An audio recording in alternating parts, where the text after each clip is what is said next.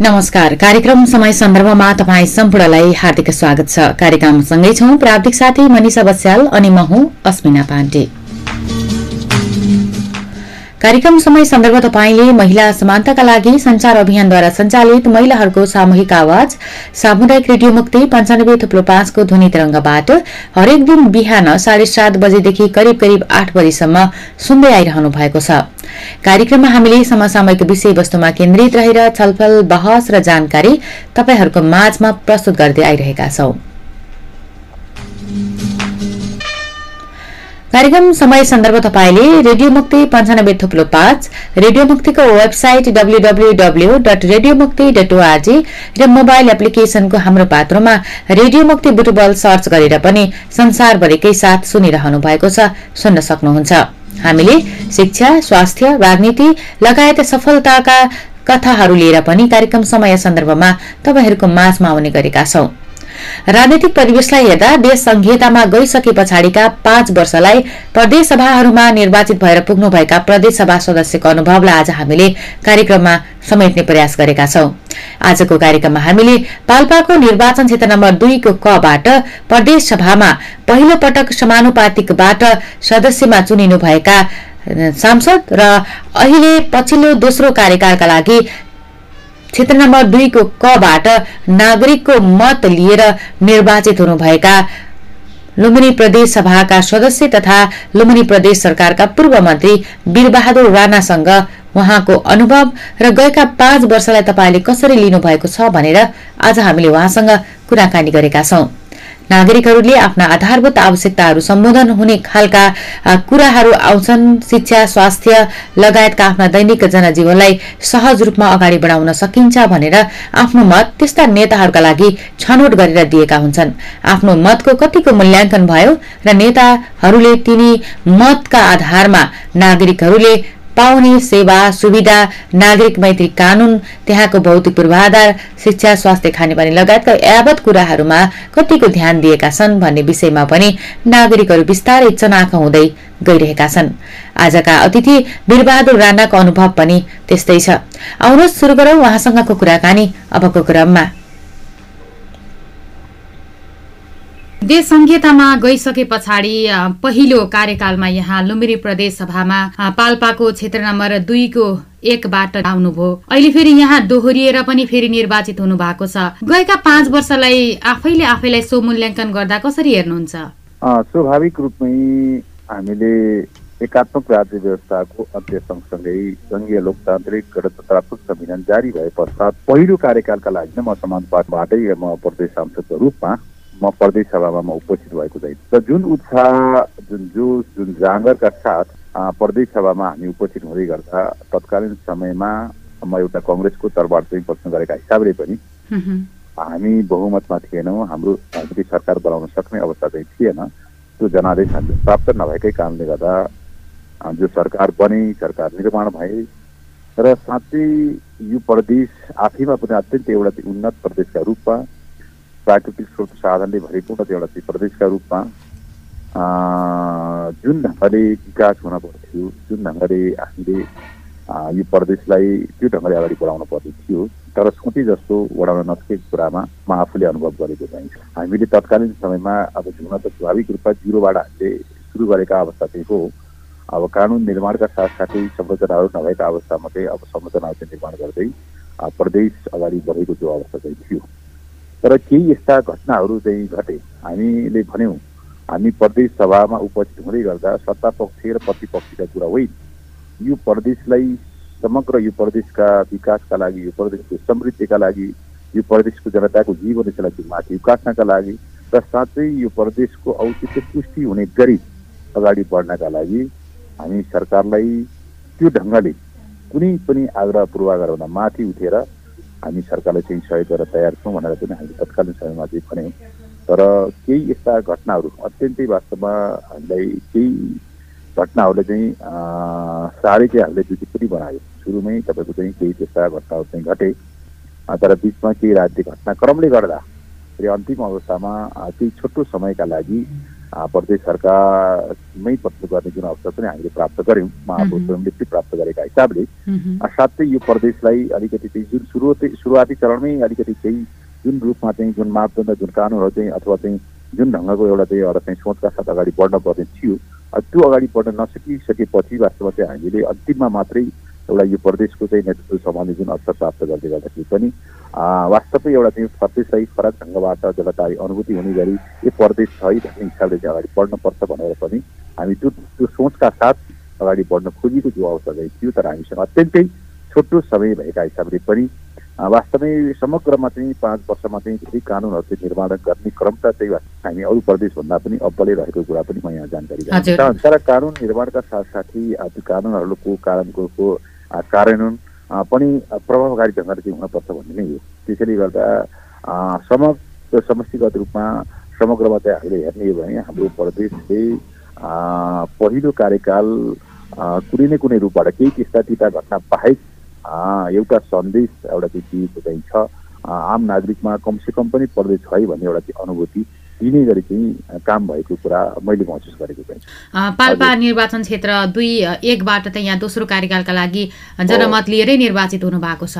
हजुर। यहाँको क्रियाशीलतालाई हेरेर त्यहाँका नागरिकहरूले यहाँलाई फेरि आफ्नो मत दिएर एउटा जनप्रतिनिधिको रूपमा प्रदेशको सांसदको रूपमा उभ्याइरहँदाखेरि त्यो क्षेत्रका नागरिकहरूका लागि चाहिँ तपाईँले के कस्ता कामहरू गर्ने प्रतिबद्धता जनाउनु भएको छ? ठ्याक्कै हेर्दाखेरि चाहिँ प्रदेशका सांसदहरूको भूमिकालाई चाहिँ यहाँले कसरी निभाउनुहुन्छ? म स्वाभाविक रूपमै म पुनः दोस्रो कार्यकालका लागि निर्वाचित भएर चाहिँ यो प्रदेश दुई एकबाट निर्वाचित भएर चाहिँ आएको चाहिँ छु म सर्वप्रथम त यहाँका समस्त मतदाताहरूलाई चाहिँ म हार्दिक धन्यवाद पनि म दिन चाहन्छु। मलाई दोस्रो कार्यकालका लागि यो म पहिलो कार्यकालमा म समानुपातिक सांसद थिएँ भने अहिले म दोस्रो कार्यकालका लागि प्रत्यक्ष निर्वाचित सांसदका हैसियतले मलाई जुन भूमिका मलाई प्राप्त मैले प्राप्त गरेको छु त्यो भूमिकाका लागि चाहिँ म सम्पूर्ण चाहिँ मतदाताहरूलाई हार्दिक धन्यवाद दिन चाहन्छु। र स्वाभाविक रूपमै अहिले जनताले जुन अपेक्षा गरेका चाहिँ धेरै ठुलो कामै गर्नुपर्छ मलाई त्यस्तो लाग्दैन। अहिले पनि के छ भन्दाखेरि तपाईँको चाहिँ राजनीतिप्रतिको आकर्षण बिस्तारै घटेको चाहिन्छ। दलहरूप्रतिको विश्वास छुटेको चाहिन्छ। त्यसरी मेरो पहिलो ध्येय भनेको त यो मुलुकमा कसरी शान्ति र सुशासन कायम गर्न सकिन्छ? भ्रष्टाचारलाई जरीदेखि चाहिँ तपाईँको चाहिँ निम्ट्यान्न पार्न सकिन्छ। केवल यो बोलेर मात्र होइन। हामी अहिले के गरौँ त भन्दा विगतका दिनहरू भन्दै धेरै हामी बोल्यौँ। भाषणले र आसन र भाषणले चाहिँ वास्तवमा चाहिँ मूलत आत्मान्तजित हो हामीले चाहिँ कामभन्दा पनि धेरै कुराहरू चाहिँ बोल्ने तर काममा अत्यन्तै चाहिँ चासो चाहिँ कम राख्ने। त्यसैले गर्दाखेरि चाहिँ वास्तवमा चाहिँ यो कार्यकाल भनेको एउटा निर्माणको कार्यक्रम यो अब युद्ध स्तरमा चाहिँ वास्तवमा चाहिँ हामीले जनताको मन छुने गरी जनताको मन जित्ने गरी अहिले पनि हामी देखिरहेका चाहिँ छौँ शिक्षाका हिसाबले स्वास्थ्यका हिसाबले पूर्वाधारका हिसाबले धेरै कुराहरूमा चाहिँ वास्तवमा चाहिँ त्यो ढङ्गले चाहिँ विकास हुन सकिरहेको अवस्था छैन। हामीसँग अत्यन्तै सीमित स्रोत साधनहरू चाहिँ रहेका चाहिँ छन् जनताको चाहना र इच्छा आकाङ्क्षाहरू चाहिँ अत्यन्तै चाहिँ धेरै चाहिँ छन्। तर तथापि पनि वास्तवमा चाहिँ त्यो राज्यको सीमित स्रोत र साधनलाई अधिकतम रूपमा जनताको बिचमा लानुपर्छ भन्ने हाम्रो मान्यता रहेको चाहिँ छ मेरो मान्यता रहेको चाहिँ छ। र त्यही अनुरूप साँच्चै यो राजनीति भनेको यो तपाईँको राजनीति योग हो साधना हो समर्पण हो। र कता कता अहिले राजनीतिप्रति मान्छेको किन बितिसमा भयो त भन्दाखेरि राजनीतिप्रतिको इमान राजनीतिप्रतिको नैतिकता चाहिँ हराएको चाहिन्छ। मान्छे राजनीति नेताले के गरे पनि हुन्छ भन्ने जुन किसिमको एउटा चाहिँ वास्तवमा चाहिँ देखिएको चाहिन्छ। जसो गर्दाखेरि पनि होइन जनताहरू जुन ढङ्गको आक्रान्त भएका चाहिन्छन् अब त्यसबाट चाहिँ यो राजनीतिलाई किन पनि शुद्धिकरण चाहिँ गर्दै राजनीतिप्रतिको आकर्षण चाहिँ बढाउँदै दलहरूप्रतिको विश्वासलाई अझ थप मजबुत बनाउँदै अब अगाडि चाहिँ जानुपर्छ भन्ने नै विगतको को घटनाक्रमबाट चाहिँ अब हामीले पाठ सिकेर अब नयाँ ढङ्गबाट चाहिँ नयाँ सिराबाट किनभने आज हामीले एकदलीय व्यवस्थाको अन्त्य गऱ्यौँ बहुदल र आधारित बहुदलीय व्यवस्था चाहिँ ल्यायौँ एकात्मक राज्य व्यवस्था पनि अन्त्य गऱ्यो। एकात्मक राज्य व्यवस्थाले जनताको मन छोड्न सकेन जनताको मन जित्न सकेन र साँच्चै जनताले चाहे अनुसारको चाहिँ के हुँदा शासन सत्ता चाहिँ अगाडि बढ्न सकेन भनेरै आज यो मुलुकमा सङ्घीय लोकतान्त्रिक गणतन्त्रात्मक शासन व्यवस्था चाहिँ आएको चाहिँ त्यसैले त्यो सङ्घीयता भनेको त वास्तवमा चाहिँ सहज सेवा। पहिलो कुरा त जनताले सहज ढङ्गले चाहिँ सेवा प्राप्त गर्न पाउनुपर्छ। कुनै पनि कार्यालयमा चाहिँ जाँदै गर्दा सेवाग्राहीहरू अमिलो मन गरेर निधार पुग्याएर त्यो ढोकाबाट चाहिँ फर्कने वातावरण चाहिँ त्यो सङ्घीयतामा चाहिँ हुन हुँदैन भन्ने नै हो। पहिलो मेरो मूल ध्येय भनेको त सहज ढङ्गले चाहिँ आम नागरिकले सेवा प्राप्त गर्ने व्यवस्था नै वास्तवमा चाहिँ सङ्घीयता हो र त्यसका लागि त्यो त्यसको कारणको लागि म आफूले अगाडि चाहिँ सशक्त रूपमा चाहिँ म लागि पर्नेछु भनेर चाहिँ मैले भनेको चाहिँ छु भने दोस्रो कुरा त्यसपछि सँगसँगै हरेक नागरिकको जीवन चाहिँ सहज बनाउने जीवनलाई सहज बनाउने। एकदेखि अहिले पनि हामी देखिरहेका छौँ। अत्यन्तै दूर दराजमा रहेका नागरिकहरूको चाहिँ अवस्था अत्यन्तै वास्तवमा चाहिँ दयनीय अवस्थाबाट चाहिँ गुज्रिनुपर्ने त्यो अवस्था देखिएको चाहिँ ती जीवनलाई चाहिँ कसरी सहज बनाउन सकिन्छ? उहाँको आर्थिक अवस्थालाई चाहिँ कसरी मजबुत बनाउन सकिन्छ? हरेक हिसाबले उहाँको जीवन स्तरलाई कसरी माथि पार्न सकिन्छ? गरिबीलाई चाहिँ कसरी न्यूनीकरण गर्न सकिन्छ? त्यहाँ देखिएका सबै खाली समस्याहरूलाई कसरी चाहिँ समाधान गर्न सकिन्छ सम्बोधन गर्न सकिन्छ भन्ने हेतुले पनि अब अहिले वास्तवमा चाहिँ मेरो निर्वाचन क्षेत्रभित्र रहेका। जति पनि केही तपाईँको चाहिँ यो पूर्वाधारका कुराहरू चाहिँ रहेका चाहिन्छन् शिक्षाका कुरा रहेका चाहिन्छन् स्वास्थ्यका कुरा रहेका चाहिन्छन् लगायत चाहिँ यहाँका खानेपानी यी सबै विषयमा चाहिँ म आफू केन्द्रित रहेर यहाँको स्थानीय तह स्थानीय सरकारसँग पनि सँगसँगै अब हामी आफै एउटा चाहिँ प्रदेशले सबै कुरा चाहिँ त्यो सम्भव पनि छैन। तर हामीसँग तिन तहका सरकार भएका हिसाबले पनि हामीले कतिपय कुराहरू चाहिँ हामी सङ्घमा लबिङ गरौँला कतिपय कुराहरू त्यसपछि आएर हामी स्थानीय सरकारसँग पनि र सँगसँगै म आफू प्रदेश सभामा मैले प्रस्तुत गर्दै गर्दा हामी सबै मिलेर पनि वास्तवमा चाहिँ यो जनताको यहाँका जनताको जीवनस्तर र जनताको जीवनलाई चाहिँ सहज बनाउने हिसाबले शिक्षा स्वास्थ्य र पूर्वाधारका हिसाबले अरू हरेक हिसाबले र उहाँहरूको आर्थिक अवस्थालाई अझ थप मजबुत गराउनका लागि पनि हामी त्यो ढङ्गले चाहिँ आफ्नो मेरो पहल कदमी रहने चाहिन्छ र त्यही रूपमा चाहिँ म आफूलाई चाहिँ समाहित गरेर अगाडि बढिरहेको अवस्था चाहिँ छ। हजुर। अब लुम्बिनी प्रदेश सरकार जुन गठन भइसके पछाडि अब कोभिडको महामारी पनि त्यही बेलामा आइपर्यो होइन? राजनीतिक हिसाबले हेर्दाखेरि पनि विभिन्न सङ्कटहरू लुम्बिनी प्रदेश सरकारले झेल्नु पर्यो। त्यो छँदैछ। त्यो बाहेक पनि बसेका केही प्रदेश सभाका बैठकहरूमा चाहिँ यहाँले राखेका विषयहरूले कतिको प्राथमिकता पाउने गर्थे? यहाँले बैठकमा उठाएका कुराहरूले चाहिँ कतिको कानुनहरू बनाउनका लागि अथवा आफ्नो क्षेत्रका नागरिकहरूलाई उकास्नको लागि त्यहाँका भौतिक संरचनाहरू त्यहाँका पूर्वाधारहरूलाई विकास गर्नका लागि कतिको टेवा पुग्यो होला? यिनी कुराहरू उठाउँदा चाहिँ साँच्चीकै म लुम्बिनी प्रदेश सभाको सांसद भएको नाताले म गौरवान्वित गर्छु भन्ने खालका त्यस्ता उदाहरणहरू सम्झिनुहुन्छ? होइन अब हजुरले भने जस्तै किनभने हामी एउटा जनताको जनप्रतिनिधि भएका नाताले। हजुर। हामीले जनताको आवाजलाई नै हामीले त्यो चाहिँ तपाईँको चाहिँ प्रदेश मार्फत हामीले चाहिँ सरकारको ध्यान गराउने।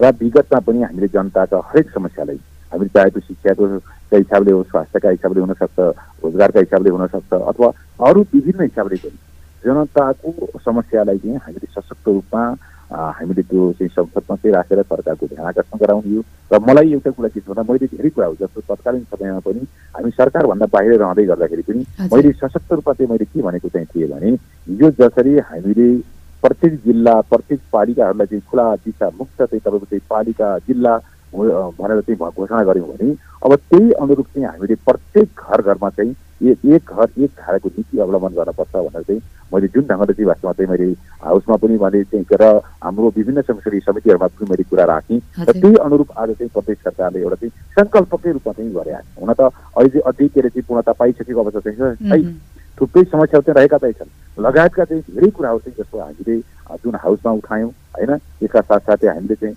संसदीय हाम्रा समितिहरूमा चाहिँ हामीले कुरा उठायौँ। तर मूलत पनि के भन्दा केही कुराहरू चाहिँ सरकारले चाहिँ त्यसलाई वास्तवमा चाहिँ आफ्नो एउटा चाहिँ उसका रूपमा चाहिँ लिएको चाहिँ मुद्दाकै रूपमा चाहिँ लिएर चाहिँ आत्मसात गरेर चाहिँ अगाडि बढेको कुराहरू पनि छन्। त्यसैले गर्दाखेरि पनि मलाई केही कुराहरू वास्तवमा चाहिँ विगतका समयमा जुन ढङ्गले चाहिँ हामीले राखेका कुराहरूलाई त्यो ढङ्गले चाहिँ एउटा चाहिँ सम्बन्ध गर्दै अगाडि बढ्नुपर्छ भन्ने चाहिँ वास्तवमा चाहिँ त्यो रूपमा अगाडि बढेको चाहिँ मैले एउटा चाहिँ छुट्टो समयमा मैले एउटा चाहिँ मन्त्रालय सम्हाल्दै गर्दा। मैले जो ऊर्जा जसो तथा सिँचाइ मन्त्रालय मैले सम्हाल्दै गर्दाखेरि पनि मैले उज्यालो प्रदेश लुम्बिनी प्रदेशको एउटा अवधारणा चाहिँ सार्वजनिक गरेँ र त्यही अनुरूप अगाडि बढेँ अथवा चाहिँ हामीसँग त बजेट अत्यन्तै न्यून थियो र तथापि पनि मैले उज्यालो प्रदेश लुम्बिनी प्रदेशको एउटा चाहिँ अवधारणा चाहिँ एउटा चाहिँ राखेँ र त्यसका साथसाथै अब यो सिँचाइका हिसाबले पनि मुख्य गरेर चाहिँ जबसम्म हामीले चाहिँ सिँचाइमा सुधार गर्न सकिँदैन तबसम्म उत्पादन सम्भव छैन। त्यसैले अहिले पनि हामीले हेर्ने हो भने अरबौँको चाहिँ खाद्यान्न हामीले विदेशबाट आयोजित गर्नुपर्ने जुन परिस्थिति सिर्जना भएको चाहिँ छ त्यसैले हामीले यही माटोलाई हराभरा बनाउनको लागि यही माटोमा वास्तवमा चाहिँ उत्पादन बढाउनको लागि पनि यो सिँचाइमा आमूल परिवर्तन र सुधार हुन जरुरी चाहिँ छ भनेर कृषिको आधार सिँचाइमा सुधार हुने नारा सहित अब तपाईँको चाहिँ अहिले यो कार्यालय प्रत्येक कार्यालय चाहिँ कार्यालय चाहिँ तपाईँको चाहिँ किसानको खेतमा पुग्नुपर्छ किसानको खेतमा टेक्न पर्छ भन्ने हिसाबले चाहिँ किसानहरू चाहिँ तपाईँको कार्यालय धाउने होइन। कारले चाहिँ तपाईँको चाहिँ किसानका खेतमा पुग्नुपर्छ भनेर चाहिँ त्यो एउटा चाहिँ नारासहित पनि चाहिँ प्रदेश सरकार चाहिँ पछिल्लो चरणमा चाहिँ अगाडि बढ्न खोजेको चाहिँ छु। र जनताहरूको एउटा के गुनासो छ भने माननीयहरूले प्रदेश सरकारमा रहेर भौतिक पूर्वाधारका कामहरूलाई चाहिँ अलिक प्राथमिकता दिने मानवीय विकासका काम जुन सीमान्तकृत समुदायका नागरिकहरूका आवाज जसलाई चाहिँ बिहानदेखि साँझसम्म काम गर्दा पनि खाना पुग्दैन छाक टार्न पुग्दैन त्यहाँसम्मका नागरिकहरूको आवाजहरू अलिकति सुनिदिनु भएन। मानवीय विकासलाई पछाडि पार्नुभयो भन्ने गुनासो छ। अब यसलाई कसरी चिर्नुहुन्छ यहाँले? होइन मेरो विचारमा त हजुरले जुन कुरा राख्नु भएको छ सबभन्दा पहिलो कुरा त भौतिक विकासभन्दा पनि मानवीय विकास नै पहिलो प्राथमिकता चाहिँ पाउनुपर्छ। त्यसैले मेरो त एउटा नारा पनि के थियो त भन्नुहुन्छ भन्दा हरेक नागरिकको सुनिश्चित तपाईँको चाहिँ बास नियमित विकासको व्यवस्था राज्यले गर्नुपर्छ। जुन संवैधानिक एउटा चाहिँ बाटोमा चाहिँ संविधानले पनि त्यो व्यवस्था गरेको चाहिँ। त्यसै कारणले गर्दाखेरि सुनिश्चित वास र नियमित विकासको व्यवस्थाका लागि पनि अब प्रदेश सरकार त्यो ढङ्गले चाहिँ अगाडि बढ्नुपर्छ भन्ने नै हो। त्यसै अहिले हामी के देखिराखेका चाहिँ छौँ भने हरेकको तपाईँको चाहिँ पूर्वाधार विकासमा स्वाभाविक रूपमा हजुरले भने जस्तै जोड जान्छ। तर साथै उत्पादन कसरी बढाउन सकिन्छ?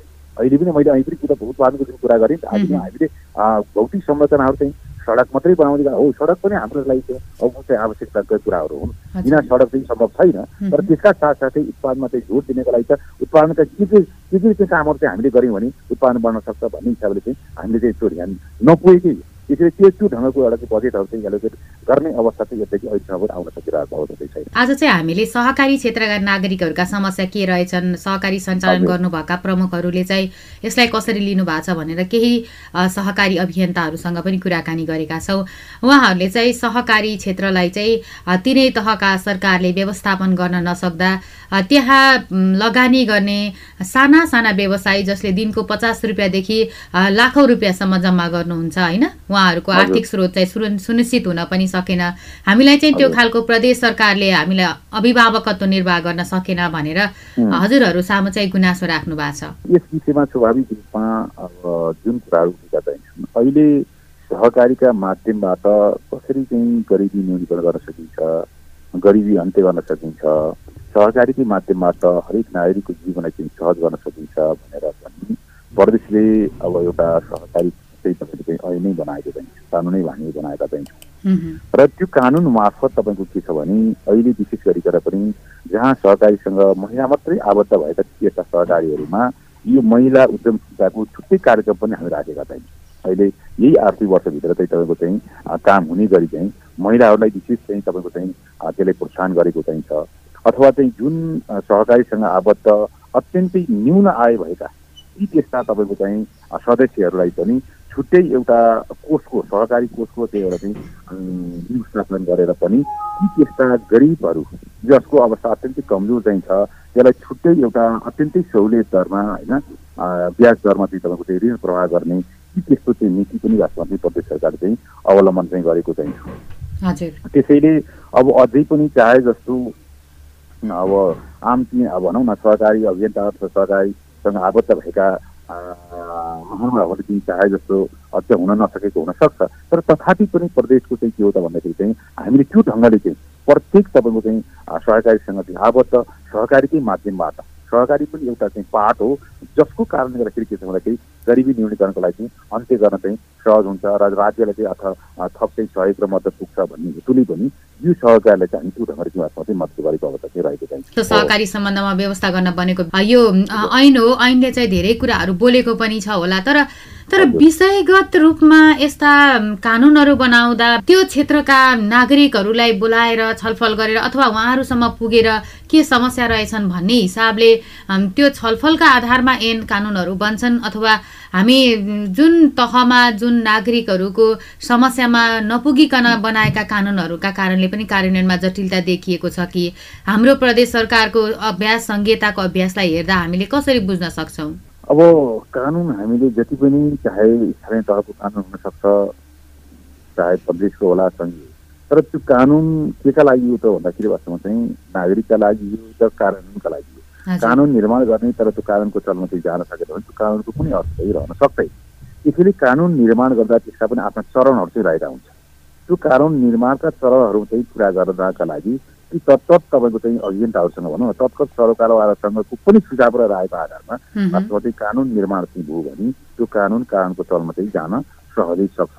त्यसैले गर्दाखेरि जस्तै हामीले चाहिँ सहकारीको चाहिँ ऐन बनाउने क्रममा पनि हामीले होला हुनसक्छ। अब अब सबैसँग त कतिसम्म होला। तर कमसेकम केही निश्चित सामाजिक अभियन्ताहरूसँग सहकारी अभियन्ताहरूसँग चाहिँ यो विषयमा चाहिँ छलफल भएर चाहिँ अगाडि बढेको जस्तो मलाई चाहिँ लाग्छ। होइन? त्यस कारणले गर्दाखेरि अझै पनि केही त्यस्ता ल्याप्सेसहरू चाहिँ रहेका चाहिँ छन् भने अब यो आउने कार्यकालमा हामीले अहिले पनि त्यहाँभित्र रहेका छौँ अब यो ऐनहरू चाहिँ कानुनहरू चाहिँ कार्यविधिहरू चाहिँ आफैमा तपाईँको चाहिँ यो चाहिँ संशोधन नहुने भन्ने चिज हो। यो त समय सापेक्ष कहीँ कतै त्यस्ता कमजोरी चाहिँ चाहिँ रहेका चाहिँ छन् अझै ती सहकारी वास्तविक सहकारीको मर्मर्ती भावना अनुसार चाहिँ त्यो ऐन बनेको चाहिँ छैन। अथवा कहाँ कहाँ चाहिँ तपाईँको चाहिँ संशोधन गर्न पर्नेछ भने पनि फेरि पनि यसलाई चाहिँ करेक्सन गरेर अगाडि बढ्न सकिने चाहिँ ठाउँहरू चाहिँ प्रशस्त भएका हिसाबले पनि तर हजुरले भने जस्तै कानुन निर्माणका पनि आफ्ना चरणहरू चाहिँ रहेका हुन्छन्। त्यसलाई वास्तवमा चाहिँ विभिन्न हिसाबले चाहिँ छलफलको प्रक्रिया चाहिँ अगाडि बढेर मात्रै त्यसले अन्तिम रूप चाहिँ एउटा चाहिँ विधेयकको रूपमा चाहिँ त्यसले चाहिँ वास्तवमा चाहिँ जान्छ र त्यो विधेयक के छ भन्दाखेरि संशोधन गरेर तपाईँको चाहिँ आफूले छलफल गरेर पास भइसकेपछि बहुमतले पास गरेपछि कानुनमा चाहिँ जाने। होइन? त्यसैले गर्दाखेरि चाहिँ त्यसका आफ्ना चरण चाहिँ रहेका चाहिँ छन् कहीँ कतै त्यस्ता अझै पनि ल्याप्सेसहरू चाहिँ छन् भने त्यो कुरालाई चाहिँ करेक्सन गरेर अगाडि बढ्न सकिन्छ। पाँच वर्षसम्म त्यो बिचमा प्रदेश सभा सचिवालयसँग यहाँहरूको प्रदेश सभाका सदस्यहरूको सम्बन्ध कस्तो रह्यो? कस्तो पाउनुहुन्छ तपाईँ? हामीले अब एउटा कार्यकाल त हामीले चाहिँ अब समाप्तै गऱ्यौँ भनौँ न। अब त्यो कार्यकालभरि अब प्रदेश सभा सचिवालयसँग चाहिँ हाम्रो अत्यन्तै सम्बन्ध चाहिँ राम्रो पनि रह्यो होइन? हामीले हरेक हिसाबले पनि उहाँहरूसँग बसेर चाहिँ संवाद गरेर छलफल गर्ने त्यहाँभित्र भएका कुराहरू चाहिँ संसदलाई चाहिँ सुसूचित गराउने कुराहरूमा चाहिँ कहीँ कतै कुनै पनि कुरामा चाहिँ कमी रहेन त्यसरी अत्यन्तै राम्रो सम्बन्धका साथ एउटा कार्यकाल हामीले पुरा गरिसकेका चाहिँ छौँ भने अब यो दोस्रो कार्यकाल दोस्रो चलमा चाहिँ हामी प्रवेश गर्दै गर्दाखेरि पनि यी सम्बन्ध चाहिँ हाम्रो चाहिँ अत्यन्तै सुमधुर पनि रहन्छन्। किन कतिपय कुराहरू चाहिँ अब सचिवालयबाट चाहिँ गर्नुपर्ने र सूचनाहरू चाहिँ विभिन्न हिसाबले चाहिँ सम्प्रेषण गर्नुपर्ने सांसदहरूको लागि सबै कुराहरूमा चाहिँ ती त्यस्तो चाहिँ कमी कमजोर चाहिँ भएको अवस्था चाहिँ छैन स्फूर्ति अत्यन्तै राम्रोसँग चलेको चाहिँ छ र भोलि पनि चल्ने हामीले विश्वास गरेका चाहिँ छु त्यस्तो कहीँ कति कुनै पनि कुरामा चाहिँ हाम्रो त्यस्तो मत मतान्तर भएको चाहिँ छैन र रहने पनि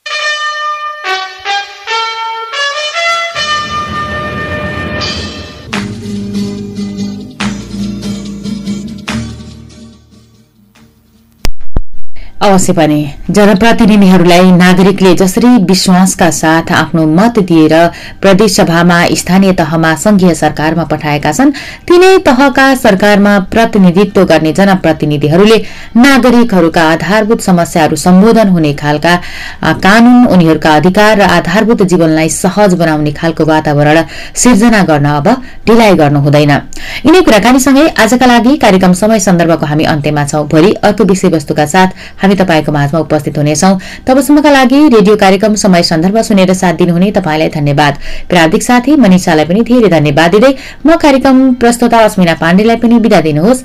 नमस्कार शुभ दिन सुन्दै रहनुहोला रेडियो मुक्ति।